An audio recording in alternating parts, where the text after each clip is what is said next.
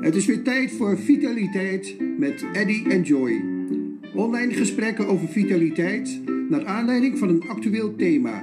Opname iedere dinsdag van 12 tot 1 in aanwezigheid van één of twee gasten. Missie bewustzijn vergroten en bevorderen en bewaken van onze vitaliteit.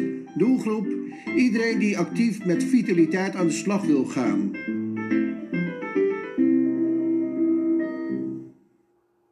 Van harte welkom, van harte welkom bij onze eerste podcast in het nieuwe jaar 2021. Het is weer tijd voor vitaliteit. Ik ben de presentatiemeester Joy Binraban en ik ga in gesprek. Wij gaan in gesprek, moet ik zeggen, want ik ben niet alleen. Joy Binraban, eh, de presentatiemeester, gaat samen met de online dokter Eddie de Jong. Gaan wij vandaag in gesprek over het thema hartcoherentie en vitaliteit. En dat doen we met onze gast vandaag, is Astrid de Bruin. En Astrid de Bruin is hartcoherentie, trainer en coach, leefstijlcoach, stress- en burn-out coach, vitaloog in opleiding, healthy crewlid. En Astrid heeft ook nog een eigen bedrijf, Happiness Vitaliteit. En Astrid is meer dan 34 jaar werkzaam bij Herenslo. Astrid, uh, van harte welkom. Ja, dankjewel Joey. Ja, fijn dat je er bent. In ieder geval een, uh, een gelukkig nieuwjaar. Je hebt hele mooie, leuke plannen voor dit jaar en daar straks meer over. Fijn dat je er bent. We gaan straks kennis met je maken met wie is Astrid, wat is haar passie. En we gaan je alle vragen stellen die we hebben over hartcoherentie, want je bent een specialist op dat terrein. Daar straks meer over. Maar voordat we beginnen wil ik Eddie de Jong vragen, net zoals iedere week, om het thema hartcoherentie en vitaliteit uh, aan te snijden. Vind ik een heel mooi woord, aan te snijden.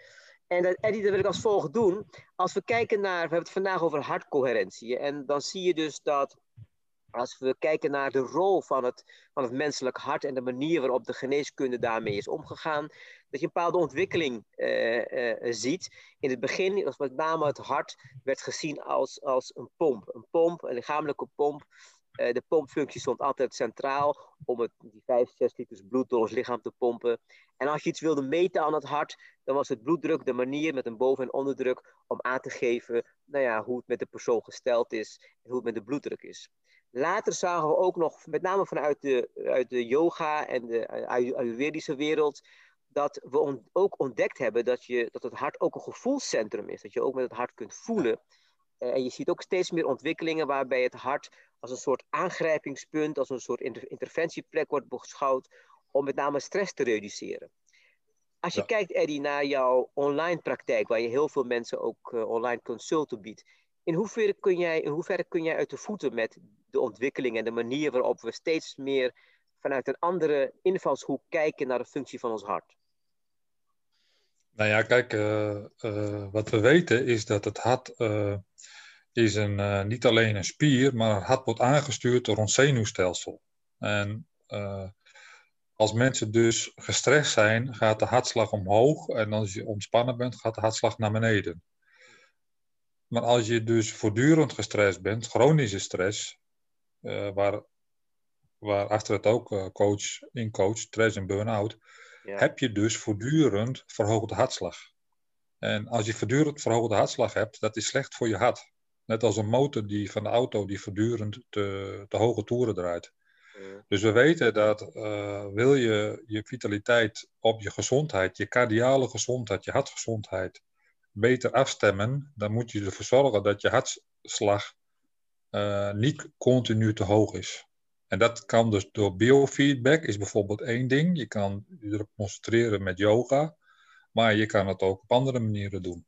En dat wordt ook toegepast in de geneeskunde, in de cardiologie vooral. Ja, precies, Eddie. Maar de vraag die ik aan jou met name stel, en, en hoe, er zijn heel veel ontwikkelingen, precies, daar gaan we met Astrid over praten. Maar in jouw online consulten, ben je er ook actief mee bezig? Of neem je dat ook steeds meer mee in de adviezen die, jou, die jouw patiënten meegeeft? Ja, ik, ik, ik ben natuurlijk, uh, ik concentreer me heel erg op vitaliteit. En het eerste wat ik natuurlijk wil weten van iemand is... Uh, wat zijn de stressende factoren en uh, hoe slapen ze? Hebben ze hartkloppingen? Hebben ze last van druk op de borst, hoofdpijn? Mm-hmm. Want het kan allemaal wijzen op een chronisch verhoogde hartslag en ook hoge bloeddruk. Dus ja, inderdaad, dat is natuurlijk het eerste waar je, waar je op af, afjaagt. Oké, dank Eddy voor deze introductie. En dan gaan we nu natuurlijk naar onze hoofdgast, de, de dame die alles weet over de hartcoherentie, Astrid de Bruin. Ja, voor de mensen die Astrid misschien nog niet kennen. Hè? Want natuurlijk, eh, heel veel is van jou te vinden op, eh, op, eh, op LinkedIn. Dus je bent heel actief op LinkedIn. Maar voor de mensen die jou nog niet kennen, wie is Astrid de Bruin? nou, Astrid de Bruin is ooit geboren op de boerderij. ik ben een dochter van een boer. En vanuit daar in alle nuchterheid opgevoed. En toen ik een jaar of 18 was, dacht ik, ik ga de verstandelijke gehandicaptenzorg in. Want ik wil graag iets doen met mensen. En ik wil graag mensen ondersteunen. Dus uh, vanuit daar ben ik eigenlijk verhuisd naar Noordwijk. Noordwijk, Katwijk, de Duin en Bollenstreek. En nooit meer verlaten, zo ook Serenlo, waar ik ooit begonnen ben als leerling Z-verpleegkundige. En um, zoals ik altijd zeg, ik ben een Z-verpleegkundige, maar kan geen pleister plakken. Mm. Dus dat uh, betekent dat ik in mijn opleiding zoveel mogelijk op locaties gewerkt heb waar eigenlijk begeleiding uh, het belangrijkste was. En op veel locaties gewerkt waarin we dat vroeger zo noemden met gedragsproblematiek. Uh, dus eigenlijk met heel veel agressie. Ehm, vanuit daar ben ik manager geworden. En ik heb ongeveer 15 jaar ben ik wel manager geweest van heel veel verschillende locaties. Zowel van wonen als van dagbestedingslocaties, als van overbruggingsplek, van crisisplekken. Dus ik heb eigenlijk de hele VG-sector wel een beetje doorwandeld, zeg maar. Dus, uh, en ik doe vooral veel, ja, ik doe ook toneel in mijn vrije tijd.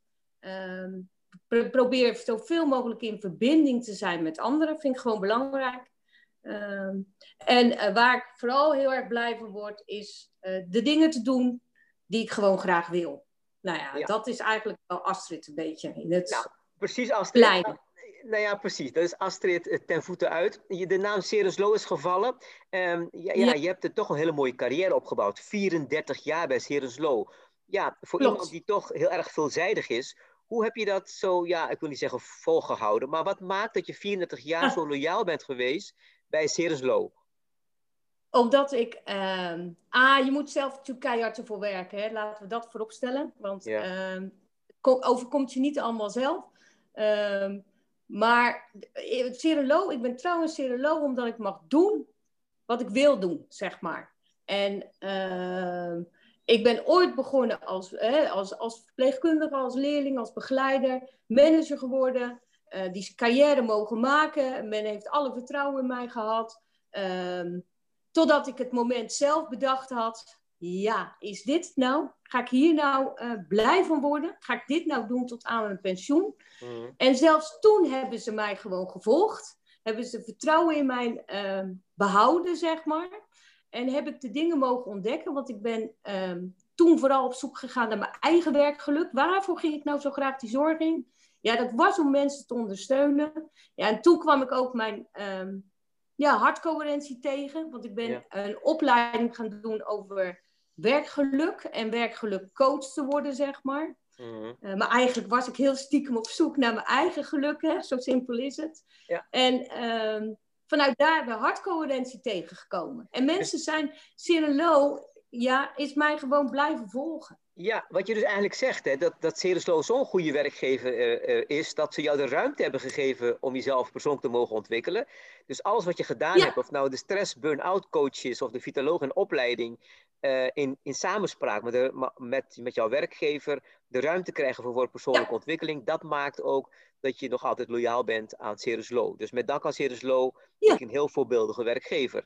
En dan, je hebt al een beetje genoemd, uh, de ruimte die je kreeg om jezelf te ontwikkelen, jezelf terug te vinden, of misschien tot, wel tot je kern te komen. Toen heb je ook op een gegeven moment de passie voor vitaliteit ontdekt. Klopt, klopt. Want uh, zoals ik zei, werd ik natuurlijk hartcoherent, kwam ik in aanraking mee. En ik zal je heel eerlijk vertellen, ik dacht zelf, ik heb geen stress, joh. Ik heb geen gedoe, weet je wel. Iedereen heeft dat, behalve ik. En uh, zoals Eddie al mooi zei, uh, je kan het gewoon meten hè, met biofeedback apparatuur. Ja. En toen ik voor het eerst aan dat meetinstrument zat, um, toen zag ik toch een gestrest beeld. dat ik echt schrok van, dat ik dacht, hoe kent dit? En um, toen werd mij wel heel duidelijk dat je niet alleen maar stress hoeft te hebben van drukte, Maar je kan ook stress hebben, uh, waar ik heel veel last van heb, is van denken. Van, uh, ik, was, ik ben een theoriemens, dus ik lees veel. Nou, daar, daar is mijn brein niet voor gemaakt. Kan je gewoon stress van krijgen. Dat is wel mijn uh, eye-opener geweest. En toen dacht ik, ja, als ik al uh, het stress heb, zeg maar, die gewoon eigenlijk helemaal geen gedoe in het leven heb, maar gewoon stress heb van de dagelijkse dingen, ja. uh, dan hebben heel veel mensen dat. En nou ja, daardoor ben ik die opleiding gaan doen en daarvoor geef ik er ook trainingen mee. En toen kwam wel, ja, hartcoherentie, hè, want je vraagt, hè, waar, waar komt dan vitaliteit vandaan? Toen dacht ik, ja, maar dat is nog niet alles. Hè? Als je echt een burn-out hebt, heb je iets meer nodig. Dus vanuit daar stress en burn-out gaan doen. Ja, en toen dacht ik, ja, maar dat is nog, hè, als je het hebt over goed in je vel zitten, de dingen doen waar je blij van wordt, hmm. is het niet alleen maar stress en hartcoherentie en burn-out. Nee, dan is het ook leefstijl. Toen ben ik zelf leefstijl gaan, met mijn eigen gewicht mee aan de slag gegaan, met mijn eigen leefstijl. Weet je, um, ja, ja, vanuit daar uh, uh, dacht ik, ja, maar als dat ook nog zo is, dan is de verbinding die Ehm, corona wel bij mij echt ook nog wel weer mijn laatste ehm, les heeft gegeven daarin. Van mm. joh, luister eens, verbinding is wel heel belangrijk. Maar waar ben jij, weet je wel? En hoe leg je die verbinding? Ja, dus uh, daar kwam wel die vitaliteit vandaan, zeg maar. Ja. Heel mooi, hè, Eddie? Ik, ik hoor Astrid zeggen dat, dat ze, ze bemerkte bij haar dat uh, stress met name zat in het denken. Hè? Het uitdenken, het denken uh, leverde bij haar, als je dat, zou, als ze dat uh, heeft gemeten aan die apparatuur, kon ze de stress meten. In hoeverre zie je bij, ook bij mensen die bij jou terechtkomen dat stress of het denken, het denkproces, het uitdenken of het piekeren, hè, zo ook stress oplevert? Heel veel. Ehm, nou ja, kijk, ehm, eh, je kan natuurlijk, er zijn bepaalde dingen die, waar je aan kan afmeten of iemand stress heeft. Dat is bijvoorbeeld slaapproblemen. Slaapproblemen zijn vaak uh, ook een uiting van stress. Uh, het kan ook een uiting zijn dat mensen overdag niks doen, maar de meeste mensen hebben druk overdag, slapen s'nachts niet, omdat ze piekeren, piekeren, piekeren, piekeren. Hoge bloeddruk, hartkloppingen, zoals ik al zei, afvallen, slechte eetlust. Dat zijn allemaal uitingen van stress. En uh, ja, en, en natuurlijk het feit dat er in Nederland heel veel hart- en vaatziekten voorkomen. En die hart- en vaatziekten, daar wordt heel veel op gehamerd, stoppen met roken, afvallen. Maar er wordt nooit gezegd door artsen, u moet stoppen met piekeren. U moet stoppen met uh, druk maken. Want dat is iets, daar is niet een, zomaar een simpele oplossing voor. Stoppen hm. met roken uh, is makkelijker dan uh, stoppen met piekeren, stoppen met denken, stoppen met zorgen maken. Ja. En, en ja. dat is waar ik wel heel veel. Uh, je kan als arts zijnde kan je wel heel veel adviezen geven, maar juist dat stukje wat Astrid bedoelt, dat is heel lastig. Dat is heel ja. lastig. En dan is dus in die gevallen, want ik zie Astrid al popelen om, om, om hierop te reageren, maar dat gaan we straks na de pauze doen. Want dan is voor juist voor die gevallen is misschien wel hartcoherentie misschien een heel mooi middel om daarmee aan de slag te gaan. Nou, over de hartcoherentie gaan we straks verder praten met Astrid, uh, Astrid de Bruin. Ik wil nu even een korte muzikale intermezzo uh, inlassen en dan gaan we straks weer verder in gesprek met Astrid de Bruin.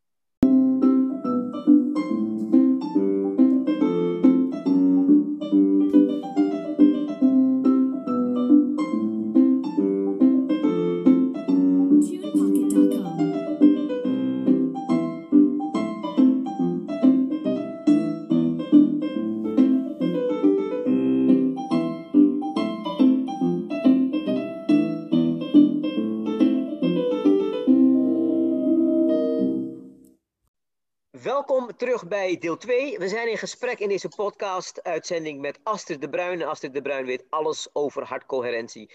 En samen met de online dokter Ellie de Jong zijn wij in gesprek met Astrid de Bruin. Astrid, het thema van vandaag is hartcoherentie en vitaliteit. Nou, we hebben je al speciaal gevraagd omdat je echt alles weet over hartcoherentie. Um, ja, voor de mensen die het nog niet kennen, hè, hartcoherentie. Wat is hartcoherentie? Ja, hartcoherentie is eigenlijk een soort ademhalingstechniek. Het heeft alles te maken met je ademhaling en met je hartslag. En uh, hartslag, zeg maar, is uh, verbonden met je ademhaling. Die twee zijn gewoon aan elkaar gekoppeld. En uh, hoe hoger je hart, of je hoog in je ademhaling, dus als je hoog in je ademhaling zit, dan merk je waarschijnlijk ook dat je hoger in je hartslag gaat zitten. Mhm. En hoe hoger je in je hartslag gaat zitten, hoe, ehm, hoe slechter je naar je brein kan gaan, waar je denkvermogen zit, je concentratie, je creativiteit. Dus, ehm, en als je dat even wilt testen, zeg maar, eh, als het, over hoe dat werkt bij jou, of dat ook echt zo is, dan zeg ik even van, joh, ga het eventjes een beetje joggen op je plek, ga dat even snel doen, ga Ja. je hartslag omhoog en bedenk dan ineens, oh, wat heb ik gisteren gegeten? Nou, 9 van de 10 keer duurt dat even een half minuutje voordat je weet, oh ja, maar ik heb gewoon gisteren wortelen gegeten. Ik noem maar even wat. Mhm. Eh, en dat komt omdat na dat halve minuutje je hartslag en ademhaling weer naar beneden is, waardoor je weer naar je brein kan gaan om eh, nou, te kunnen nadenken. Want je, ja, Oké, Astrid, je, be- je, je benadert de term hartcoherentie vanuit de praktijk. Dus goed dat je dat voorbeeld noemt. Maar laat ik eens kijken naar vanuit, de hart, eh, vanuit het hart geredeneerd. Hè? Want vaak wordt ook de term een um, hartritmevariabiliteit, ook een ingewikkeld woord, HRV, gebruikt. ja, Want het, als ik het goed eh, snap, dan is die hartritmevariabiliteit dat het hartslag, dat tussen de hartslagen heb je een soort tijdsinterval. En Ja, dat klopt. dat die tijdsintervallen worden beïnvloed door onze emotie. En dat is eigenlijk het terrein, het terrein waar die hartcoherentie over gaat, toch? Klopt. Klopt. Want, eh, eh, want wij denken vaak, zeg maar, dat je, een, een, je hartslag dat die hetzelfde is, zeg maar. Hmm. En dat je zegt van nou, ik heb een hartslag van 70, maar die is niet hetzelfde. Die wisselt constant. En die wisselt zo vaak dat als je een inademing doet, dan gaat je hartslag gewoon omhoog. Dus je kan wel van 60 naar 80 gaan, zeg maar. Ja. En als je een uitademing doet, gaat je hartslag weer naar beneden. Je moet zien, Eddie zei het al, hè, je hart hè, we hebben, is gewoon een spier, zeg maar. Dus, en elk, elk orgaan in je lijf heeft een gas- en een rempedaal. Dus als jij een inademing doet, dan zet je het gas erop. En doe je een uitademing, dan zet je de rem erop. En dan eh, je emoties die je hebt. En we weten het niet, we hebben het niet door. Maar een kleine irritatie zorgt er al voor dat die ademhaling en daardoor je hartslag al omhoog gaat. En in de loop van de dag, zeg maar, als jij heel veel van dat soort irritaties en eh, gedoe hebt, dan is je hartslag aan het einde van de dag veel hoger als dat je ergens begon. En de hart, die beïnvloedt dus daadwerkelijk je brein. Maar je brein beïnvloedt dus ook je batterij. Je interne batterij, want wij binnen hartcoherentie zien we eigenlijk ons lichaam als batterij. En al, hoe meer jij in je hartslag en ademhaling in de hoogte zit, hoe sneller jou je batterij leeggetrokken wordt. Nou ja, dat willen we niet, hè? Precies, dus dat is, dat is eigenlijk wat we door de dag heen ervaren wanneer we stress de ruimte geven om onze hartslag, onze ademhaling te beïnvloeden. Dus dat, is, dat Ja. snap ik. Alleen Maar nog- niet alleen maar stress, wat zei je? want het Astrid? is ook, Ja. het is niet alleen maar stress, want het is ook maar ook geluid. Eh, Ja. Alles in, er omheen, wat Ja. iets met je doet, de prikkels die je ervaart, zeg maar. Je ervaart, je, dat willen we bijna niet geloven, maar iemand in de middeleeuwen, zijn Ja. hele leven, ervaarde net zoveel prikkels als wij op een dag. En op die dag, dus die prikkels die jij onbewust meemaakt, doen allemaal iets met je ademhaling en hartslag.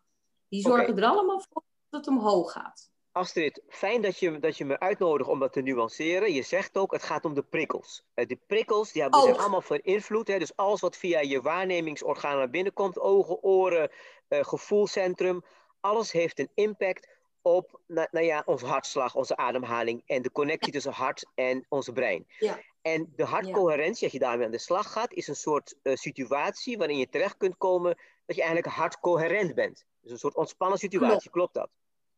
Klopt. En ik zal je het even nog gekker maken. Ja. Ehm, want het is nog niet alleen maar dat je het meemaakt, maar je, als je eraan denkt, aan een situatie, dan gaat het ook al gebeuren. Hè, in mijn geval, ik, eh, ik vind van sommige mensen wat, zeg maar. Vroeger, want daar kwam ook mijn stress vandaan. Ik vond allemaal dat ze het moesten doen zoals ik vond dat het moest, zeg maar. Mhm. En het is niet alleen maar dat als ik er eh, meemaakte, maar als ik het verhaal aan iemand ging vertellen over die mensen, Ja. over mijn stressbronnen, Ja. dan gebeurde het ook al. Dus het wil niet alleen maar zeggen dat je het mee hoeft te maken. Hè? Voor je brein maakt dat allemaal niks uit. Dus Eddie, eh, ja. eh, ik denk, Precies, dus de gedachte al. Eddie, er zijn mensen die hebben een soort witte jassen syndroom. Hè? Die hebben een soort Ja. drempel als ze met jou bellen of bij jou op kantoor komen, op, op consult komen. Nu je dit Ja. zo weet, ja, eh, eh, ga je er anders om met de mensen die je bellen of die langs willen komen? Ja, zeker, maar dat doe ik altijd al. Kijk, er is, er is, er is eh, ja, ik, ik zit met verbazing naar achteren te luisteren, want het is precies zoals het werkt. En eh, daarom, daarom vind ik het ook zo mooi dat ze het zo goed kan uitleggen, want ik denk dat als mensen dit horen, weten ze ook meteen waarom ze die witte white coat hypertension hebben, of waarom ze... Er is een heel bekend iets, dat weten wij, dat als mensen bij de huisarts komen, dan is de bloeddruk altijd hoger dan als ze dat thuis meten. En dan zeggen ze, ja, ik snap er niks van, hoe kan dat nou? Het heeft te maken met eh, ervaringen, verwachtingen. Ze verwachten iets. Ze denken dat de dokter door ze heen kan kijken. En wat ik meestal zeg is tegen de mensen: moet goed luisteren. Ik eh, gebruik gewoon mijn boerenverstand. Eh, ik weet ietsjes meer van bepaalde dingen dan jij, maar ook niet zo heel veel. En we gaan gewoon met z'n tweeën proberen er wat van te maken. Dat breekt bij sommige mensen ijs. Andere mensen denken dan, nou, wat een waardeloze dokter, die weet ook niks. Maar je moet één ding niet vergeten: mensen die bang zijn voor een ziekte, die, eh, of die bang zijn dat de dokter iets gaat vinden, of voor een diagnose waar ze angst voor hebben, die, eh, die ervaren dat eh, net zoals of iemand die diagnose al heeft. Iemand die bang is voor kanker, die is net zo bang als iemand die kanker heeft.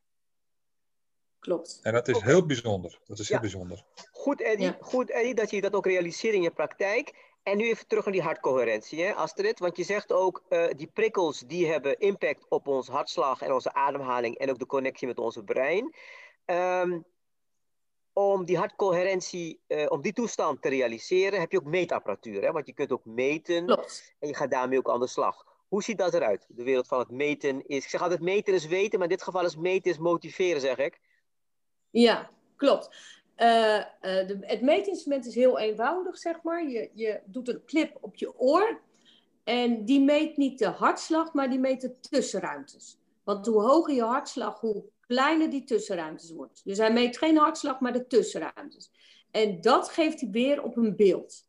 En dat kan je zien als het een mooie lijn is met, met de gewone eh, toppen en dalen, zeg maar. Zonder daarin krassen of wat dan ook, dan is die coherent, noemen we hem. Maar zitten daar eh, strepen in, is het een beetje warrig beeld, ja, dan noemen we dat gewoon gestrest, zeg maar. En dus je kan het heel eenvoudig zien. Ja, dus wat je eigenlijk zegt is dat die apparatuur die je, als een clipje op je oor zeg je, die je zet, die meet dus eigenlijk de, het, de, zeg maar de intervallen tussen de hartslagen. En dat is wat je eigenlijk ja. meet. Ja, Hoeveel, hoeveel tijdsbestek hebben we het hier? Of hoeveel milliseconden? Want ik kan me voorstellen, ehm, die, die intervallen, hoe lang, hoe lang duren die? Ja, dat, dat, dat wisselt natuurlijk nogal, eh, Mhm. eh, zeg maar. En eh, wa- wat je ziet, zeg maar, is dat als je een inademing doet, dan gaat er een streep omhoog. Ja. Want dat betekent ook dat je hartslag omhoog gaat. Je kan ook zien hoe ver, hoe hoog je hartslag gaat. En als je een uitademing doet, gaat er een streep naar beneden, zeg maar. Dus dat is wat je ziet. Dus je ziet de in- en de uitademing, zeg maar. Als je een tussenademhaling doet, en vaak hebben we die niet door, dat we die doen, dan zie je nog een klein hobbeltje ontstaan, zeg maar. En vaak betekent dat dat je een tussenademhaling doet. En dat betekent dus dat er ergens eh, iets gebeurt in je lijf. Je bent hem aan het aan aan het zetten. En dat kan zijn dat je ergens aan denkt, of dat je, want je brein die gaat maar door. Hè? Dus, dus zal, misschien dat je ergens aan denkt of iets aan het doen bent of wat dan ook. Ehm, dus die intervallen, ja, die wisselen nogal. Maar ik zeg vaak, als je wat langzamer en dieper ademt als normaal, en dan hebben we het over eh, vijf in, vijf uit. En eh, als je zegt, ja, ik adem wat lastiger in en wat makkelijker uit, doe dan vier in en zes uit. Weet je, het gaat erom dat je naar die buikademhaling gaat. Want dan komt het autonome zenuwstelsel tot rust. En dan kan je weer naar het goede brein. Dus als je dat doet, nou, dan komt het vanzelf wel ehm, ja, in het goede ritme. Waardoor het hartritme en het brein met elkaar connecteren, zeg maar.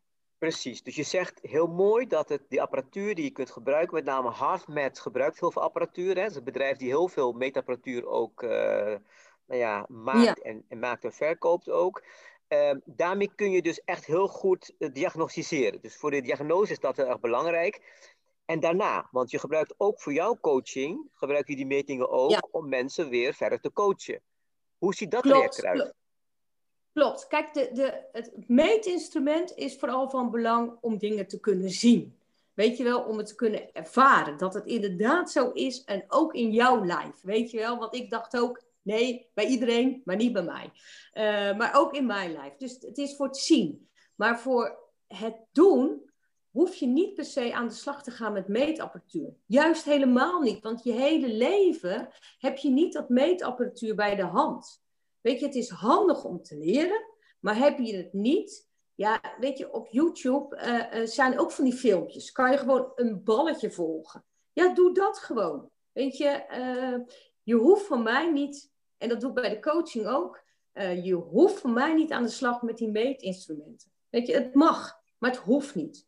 Weet je, en dat heeft ook te maken met het feit, als jij dingen verplicht, dan schieten mensen in het brein in de vecht- en de vluchtmodus. Dus dan doen ze helemaal niks, weet je. Dan, uh, dus vandaar dat ik altijd probeer aan te sluiten bij de mensen van wat hun willen, want dan staat hun brein open om te leren. Dus als ze zeggen, ja, ik wil dit niet, dat betekent dat ze anders in de vechtmodus komen. Dus dan sluit ik aan bij hun en zeg ik, nee, dat is prima, maar hoe gaan we het dan doen? Weet je, en dan zeg ik, ja, dan kan je apparatuur, je kan op de YouTube kijken, je kan zelf iets uh, proberen, zelf wat langzaam en dieper te ademen als normaal, weet je. Dus um, het is echt afhankelijk wat de persoon wil in de coaching. Ja. Ik heb geen standaard coaching, lastig. Nee, precies. je hebt ook helemaal gelijk dat coaching is afhankelijk van de coachie die, die je gewoon tegenover je hebt. En je werkt ook in het hier en nu, zowel als alle coaches. Het mooie is dat je, ik zeg, je hebt die apparatuur niet echt nodig om aan je hartcoherentie te werken. Er zijn ook andere technieken die ze ook voor jou kunnen leren om ook in de situatie van een hartcoherentie terecht te komen. Uh, Klopt als we het hebben over die vitaliteitsvoordelen. Hè? Want natuurlijk, je, je bent dan hartcoherent, betekent dat je ontspannen bent. En je hebt misschien een betere connectie tussen hart en, hart en hoofd. Dat wordt ook wel gezegd. Ja. Als je hartcoherent Ja. bent, dan heb je betere verbinding tussen hart en hoofd. Je komt ook dichter bij je hart. Je gaat ook beter verbinden met mensen. Dat is heel mooi. Zijn er nog andere vitaliteitsvoordelen die je zelf ervaren hebt? Nou, ik, waar ik nog, voordat we straks alles afsluiten, wil ik ook nog even zeggen dat je niet alleen maar betere connecties, maar het heeft ook te maken met hormonen die worden aangemaakt. Want ehm, daardoor komen al die lichamelijke klachten vandaan, omdat we te veel cortisol aanmaken. In, eh, als jij aangaat, dus als je brein denkt, oh jee, eh, en die hartslag en ademhaling gaat omhoog, dan krijg je adrenaline en cortisol. En die is heel mooi dat we dat aanmaken, want dat hebben we nodig. Om, maar we maken er te veel aan. Ook als ik bijvoorbeeld denk aan, eh, oh jee, maar ik moet straks nog al die boodschappen doen. En hoe ga ik dat nou in vredesnaam doen? Want ik heb nog een coachie en weet ik het wat. Dan gaat gewoon in dit geval ook mijn hartslag en ademhaling omhoog. En ik maak cortisol aan. En dat maken we te veel aan in het leven. Daardoor komen al die lichamelijke klachten. Duizeligheid, uh, hoge bloeddruk, moeheid, snel geïrriteerd, suikerziekte. Ze, uh, nou ja, vooral die type nummer 2, hè, diabetes, vetzucht. Mensen kunnen niet afvallen. we hebben een verminderd immuunsysteem, daardoor wat vaker ziek.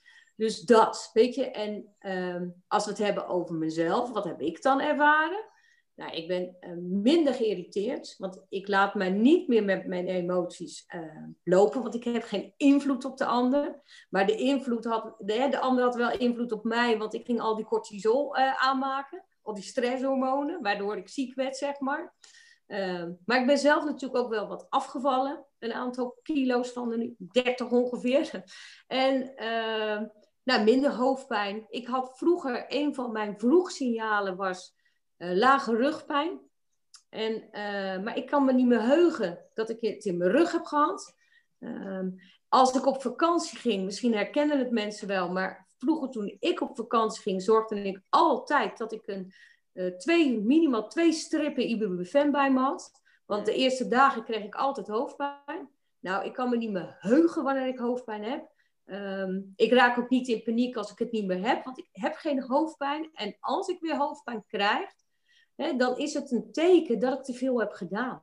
Ik zie het tegenwoordig allemaal als een signaal. Als ik heel erg toch, hè, ik ben ook gewoon mens, toch misschien ook ineens geïrriteerd word, dan kijk ik niet, uh, uh, dan kijk ik niet naar de situatie, maar dan kijk ik eens terug. Zo van, joh, Astrid, wat ben je allemaal aan het doen? Doe je dingen niet te veel? Uh, laat je je niet meeslepen door een ander, weet je wel? Dus ik kijk, ik zie het allemaal als een signaal. En zo zien we dat ook binnen hartcoherentie. Hè? Ja. Uh, ook je emoties, het is een signaal. En dat ja. wil iets je vertellen. Astrid, je beschrijft heel mooi de, de vele voordelen die hartcoherentie uh, voor jou heeft gebracht, maar die ook voor veel mensen kan brengen. Uh, dus dat heb je heel mooi beschreven. Als ik naar Eddie ga, Eddie, als je zo de vitaliteitsvoordelen van hartcoherentie vandaag hoort van iemand die dat zelf ervaren heeft en iemand die dat ook toepast in haar coaching. Um, je bent online dokter. Ja, in hoeverre zie jij mogelijkheid, of zie jij, ja, zie jij, zie jij ook verbinding om jouw patiënten, patiënten door te sturen of, of, of patiënten bewust te maken van de voordelen die hartcoherentie ook voor hen kan hebben? Uh, ja, ik denk dat dit. Uh, kijk, zoals Astrid het vertelt, zo is het precies zoals ik het ook ervaren heb. Uh, mensen moeten veel meer bewust van worden dat ze geen controle hebben over de situatie. En dat de situatie wel controle kan hebben over hun. En uh, dat maakt er, zorgt er ook voor dat heel veel mensen stress ervaren. En uh, ademhalen en rustig blijven, dat is het moeilijkste wat er is. Want heel veel mensen blijven namelijk niet rustig. En die gaan snel ademhalen en die maken zich boos. En die maken zich heel vaak boos over dingen die helemaal niks opleveren daar moet je getraind worden. En zoals Astrid dat beschrijft, ik denk dat, als meer, dat dit meer uh, door artsen ook gezien zou worden. En artsen zien dat wel, maar ja, ik denk dat, um, dat als mensen er open voor staan, want je moet er natuurlijk open voor staan. Hè? Je moet openstaan om gecoacht te worden, want heel veel mensen die willen ook graag een pilletje, die willen graag gerustgesteld worden. Ja. Maar dit is de ideale manier om, om stress en vooral hoofdpijn, alles wat ze vertelt, om dat te lijf te gaan. Dit is, dit is de oplossing. Ja, Klopt. En ik, dit en is ook wat ook, ik altijd, altijd propageer. Ja, en ik denk ook als meerdere artsen, en ik kijk ook een beetje naar Astrid, als meerdere artsen bereid zijn om, om, om mensen ook een hartcoherentiecoach uh, aan te bevelen, dat we, dat we veel meer mensen uh, nou ja, dichter bij hun hart kunnen brengen. En ik weet niet of veel artsen dat weten. Astrid, ben je ook bezig om, om zeg maar, um, ook richting artsen uh, lezingen te verzorgen, dat ook veel mensen ook in de nou ja, als, als huidsarts ook op de hoogte zijn van de voordelen van hartcoherentie?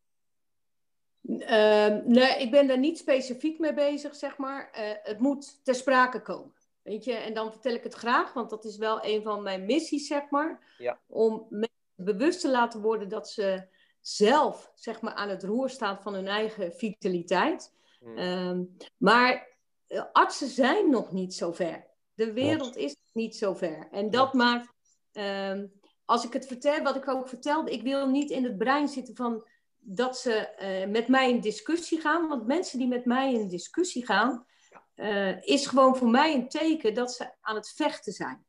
Dus, uh, dus dat betekent dat het geen enkele zin heeft voor mij om op die wijze de discussie aan te zwengelen. Want jij in, de, in dat brein zit, uh, van de aanstand, hè, dus van die vechtstand, dan ja. luister je niet zo goed meer en hoor je niet zo goed meer. Dus uh, ik kies dan helemaal niet om die discussie aan te gaan en denk dan, jouw tijd komt nog wel, ik doe het op een andere manier. Probeer ik het dan een keer. Astrid, je slaat de spijker op zijn kop. Je hebt helemaal gelijk dat, dat uh, wanneer je, pas wanneer je ervoor open staat, kun je ook al de voordelen ervaren. Ben ik heel met je eens. En ik heb vandaag gemerkt dat sowieso de eerste in ieder geval de eerste arts die helemaal open staat voor hartcoherentie. Eh, dat is Eddie de Jong. Dus dat is, ja. in ieder geval, dus in ieder geval vandaag gelukt. Astrid, we gaan even naar een muzikaal intermezzo en gaan straks praten over jouw droom. Want je hebt een missie, een missie voor 2021 en misschien nog verder. En daar gaan we straks over praten. Maar nu is het even tijd voor een kort muzikaal intermezzo.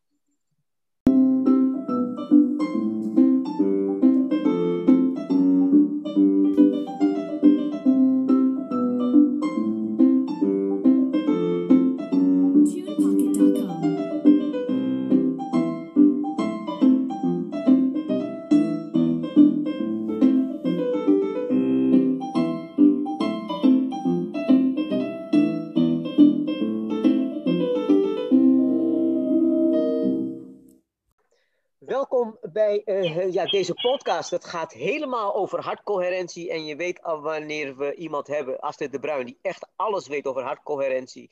Ja, dan vliegt de tijd voorbij. Uh, maar we gaan niet weg zonder dat we vernomen hebben van Astrid wat haar droom van, voor 2021 is. We zijn aan het begin van het nieuwe jaar en we allemaal goede voornemens. Want Astrid heeft een hele bijzonder voornemen voor 2021. En uiteraard gaat het over vitaliteit en leiderschap en natuurlijk over hartcoherentie. Astrid, neem ons mee, zo aan het begin van het jaar, in het droom die je hebt. En wellicht, ongetwijfeld, zullen Eddie en ik ons best doen om die droom verder te brengen. En, um, maar ja, wat is die droom van Astrid? Nou, mijn, mijn droom um, ja, heeft met, aan te maken met mijn passie voor vitaliteit, maar ook mijn passie voor toneel. Uh, en mijn droom is echt, ik wil een theatershow hebben over vitaal leiderschap. En uh, het is niet persoonlijk leiderschap, wat je vaak hoort. Nee, het gaat over vitaal leiderschap. Want ik, mijn missie is echt dat iedereen bewust is van het feit dat hij zijn eigen leider is over zijn eigen gezondheid. Uh, en je kan zelf, je staat zelf aan het roer van hoe, uh, ja, hoe ziek wil je soms worden. Hè? En, en heel veel ziektes, net als mij, mijn rugpijn, mijn hoofdpijn. En misschien had ik ook nog wel, wel hoge bloeddruk. Dat weet ik niet, heb ik nooit laten meten. Uh, maar misschien was dat allemaal wel de oorzaak geweest van hoe ik mijn leven leidde, zeg maar. En ik wil graag, uh, hè, mijn droom is zeggen, iedereen moet doen wat hij zelf wil. Maar ik wil wel graag aan de man brengen van, jongen, wat is nou vitaal leiderschap? Waar praten we dan over? Want iedereen denkt bij vitaliteit alleen maar aan voeding en een beetje beweging. Nou, dat is niet zo. Er is nog veel en veel meer. Uh, en dan wil ik veel mijn eigen verhaal vertellen. Want ik, wil, uh, ik merk wel zelf, hoe meer je jezelf kwetsbaar opstelt, hoe meer mensen geïnspireerd raken en hoe meer mensen dan denken, oh, als jij dat kan, dan kan ik het ook. Weet je, zo is het ook met, met hartcoherentie gegaan. Um, ik ben zelf ook echt wel helemaal dat proces ingegaan. Want ik had zelf, dacht ik van ja, maar iedereen is gestrest behalve Astrid de Bruin. Hè? Uh, maar ook Astrid de Bruin was gewoon gestrest. En ik heb ook gewoon keihard moeten werken ervoor. Want uh, toen ik het eenmaal onder de knie had, die ademhalingstechniek, dacht ik: oh ja, maar nu hoef ik niet meer te trainen. Nee, ook ik moet gewoon blijven trainen, blijven doen, weet je wel. En um, dus ik wil daar op in een leuke manier, wil ik daar um, ja, mensen meenemen, maar vooral ook inspireren, zodat ze denken van, yes, ik ga, ik ga ook iets doen. Ik ben mijn eigen leider van mijn eigen gezondheid. Ja. En daar hoop ik een klein beetje Nederlander vitaler en gezonder te kunnen maken. Ja, Astrid, een hele mooie droom om, om een theatershow over vitaal leiderschap te gaan verzorgen. Als we het even smart proberen te maken, dan kijken we van wanneer, op welk moment, wie heb je daarbij nodig? Kun je daarover vertellen? Nou, uh, uh, kijk, het hele verhaal en hoe het eruit moet zien, ja, dat heb ik wel in mijn hoofd. Of in ieder geval, dat staat ook al op boekjes. En uh, kijk, ik kan, ah, ik kan niet zingen. Dat is, ik wil wel muziek erin hebben, omdat muziek ook verbindt. Hè? Ehm, en dingen duidelijk maakt. Dus als er iemand heel goed kan zingen, uh, nou zou ik dat wel heel mooi vinden. En anders doe ik gewoon alles playbacken. Want je wil niet dat ik mijn scheur open trek, zeg ik dan. Hè? Dus, uh, uh, want ik kan echt niet zingen. Yeah. En, uh, maar ik heb vooral iemand, mensen nodig ehm, die in mij geloven en die mij het podium geven. Ja. En die mij misschien nog wel samen, samen op weg. Je mag ook nog wel een deel in mijn theatershow uh, ook op dat podium staan, zeg maar. Uh, maar het verhaal, ja, dat zit wel in mijn hoofd. En ook wel de muziek die ik erbij wil.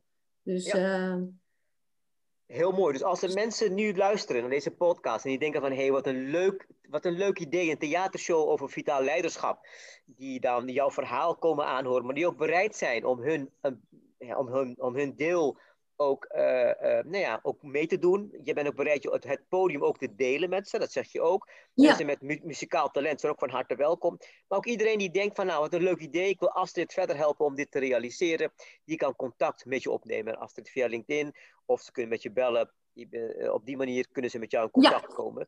Um, ja, ik wil toch even naar Eddie. Eddie, als je dit zo luistert, een hele mooie droom. Je bent ook van het netwerken. Je zit ook bij BNI. Als je dit zo hoort, wat zou jij voor Astrid kunnen betekenen? Uh, ja, nou ja, goed. Ik zou natuurlijk wel als arts achter haar kunnen staan en ook het promoten. Want ik denk dat dit op zichzelf een heel mooi idee is. Ik, ik, toen ik het zag staan, toen dacht ik even theatershow over vitaal leiderschap. Maar ik weet nu hoe ze dat bedoelt. Ja, dit is iets, het moet natuurlijk, uh, als het een beetje kan, moet het natuurlijk op de planken. Dit moet gewoon door het land. Dit moet uh, lezingen. Ja, ik, ik, geloof, ik geloof heel sterk in dit concept van hartcoherentie. Daar geloof ik heel erg in. Dat idee wat erachter zit, ook het fysiologische, wat achter het uitlegt met hormonen, ademhaling. Ik denk dat we daar al een hele grote sleutel hebben tot stressreductie, minder hartvaatziekten ja, Klopt. daar moet gewoon aandacht voor komen. Ah, ja. dat, is, dat is niet, dat is niet ja, ik, ik beslis niks natuurlijk, maar als ik mocht beslissen, dan zou ik zeggen, ja, dit, dit moet gewoon in elke huisartsenpraktijk moet dit, uh, moet dit gewoon een folder over liggen. En ik vind het fantastisch, absoluut. Ja, ja. Nou ja, en, en, daarbij komt denk ik zelf dat als je als bedrijf zeg maar iets wil met vitaliteit, ja. uh, en je wil je mensen inspireren, zeg maar, ja, ben ik bereid om te komen? Weet je, want uh, uh, ook in bedrijven, vitaliteit is zo'n hot item. En ook heel veel bedrijven denken alleen maar, oh ja, een beetje bewegen, iets met voeding doen. Ja, nee, het heeft ook met zingeving te maken, met talenten, maar ook met je ademhaling. Weet je, uh, doe je de dingen nog die, waar je blij van wordt? Weet je, dus, en om dat dan mooi te brengen in een of andere mooie show, nou ja, dat, dat, hè, waar mensen ook kunnen lachen. Want als ze kunnen lachen, betekent ook weer dat ze openstaan voor te leren, zeg maar. Mijn workshops en trainingen uh, ben ik constant bezig om mensen in de leerstand te zetten, maar niet te zorgen dat ze in de uh, vechtstand komen. Van, uh, Weerstand. Dus, ja, ja, precies. Dus het moet leuk zijn. Mijn workshops en zo wil ik theatershow ook. Hoe leuker het is, hoe meer mensen dan thuiskomen die zeggen: Ja, maar ik heb toch een leuke theatershow gezien. Uh, het ging hier en hier en hier over. En ik ga dit en dit misschien eens doen. Weet je, nou, dan heb ik mijn doel bereikt. Als je heel saai iets doet, hè, of je training, dan zeggen mensen als ze thuiskomen: Nou, het was toch saai? Nou, waar het over ging, weet ik ook niet meer. Weet je dat? Dus uh, uh, wij als trainers willen vaak te veel. Maar je moet bedenken, als mensen in, in een stand zijn waar ze open zijn om te leren. En dan moet je het echt leuk en gezellig hebben, zodat je brein denkt: oh, het is veilig hier. Dan gaan mensen iets leren en dan gaan mensen iets van je aannemen. Dus zo'n theatershow, ja, het moet alleen maar leuk zijn. Dus, uh, en natuurlijk zit daar een serieus boodschap ook in. Ja. Zo eigenlijk net als, als deze podcast. Hè? Ik probeer het mhm. leuk te brengen, uh, maar er zit wel een serieuze boodschap in. Uh, maar zodat mensen wel zeggen, ja, we hebben echt geluisterd naar elkaar. Ja, ja, ja. ja. Astrid, uh, het, het, is je gelukt. Het is je gelukt om ook in deze podcast uh, tussen de regels door, nou ja, niet alleen ons te inspireren. Je hebt niet alleen mij geïnspireerd, maar je hebt ook Eddie, onze online dokter, ook geïnspireerd om ook meer aandacht te vragen voor hartcoherentie. Dus het is je gelukt. Maar ook het idee dat je dit verhaal allemaal laat samenkomen in een theatershow. Dat je zorgt voor ontspanning dat lijkt me ook een hele mooie manier. Ik ga ook met Eddie erover praten hoe we in, binnen ons netwerk kunnen kijken om dit op een of andere manier toch te realiseren. Want ik ben ook een soort showman, ik vind het leuk. Ik hou ook van een podium. En ik vind het ook leuk om dingen, grote dingen te realiseren als vitaliteitsman. Dus onze, onze steun uh, is bij deze toegezegd, Astrid. En uiteraard, uh, praten over coherentie daar, ja, als, als je aan Astrid overlaat, is ze daar nooit over uitgepraat. Maar ook wij hebben ons aan de tijd te houden. De tijd is voorbij gevlogen. Mochten de mensen meer willen weten over het thema hartcoherentie, ik zou zeggen, neem contact op met Astrid de Bruin. ja. Ehm, eh, Astrid, is er nog iets actueels op de agenda waarbij men nog meer informatie kan halen? Is er een evenement gepland? Is er een lezing gepland? Wat kun je nog aan evenement en actualiteit meegeven op dit terrein? Nee, er is, er is op zich, uh, uh, ja, weet je, dat heeft natuurlijk ook heel veel met, met corona te maken, zeg maar.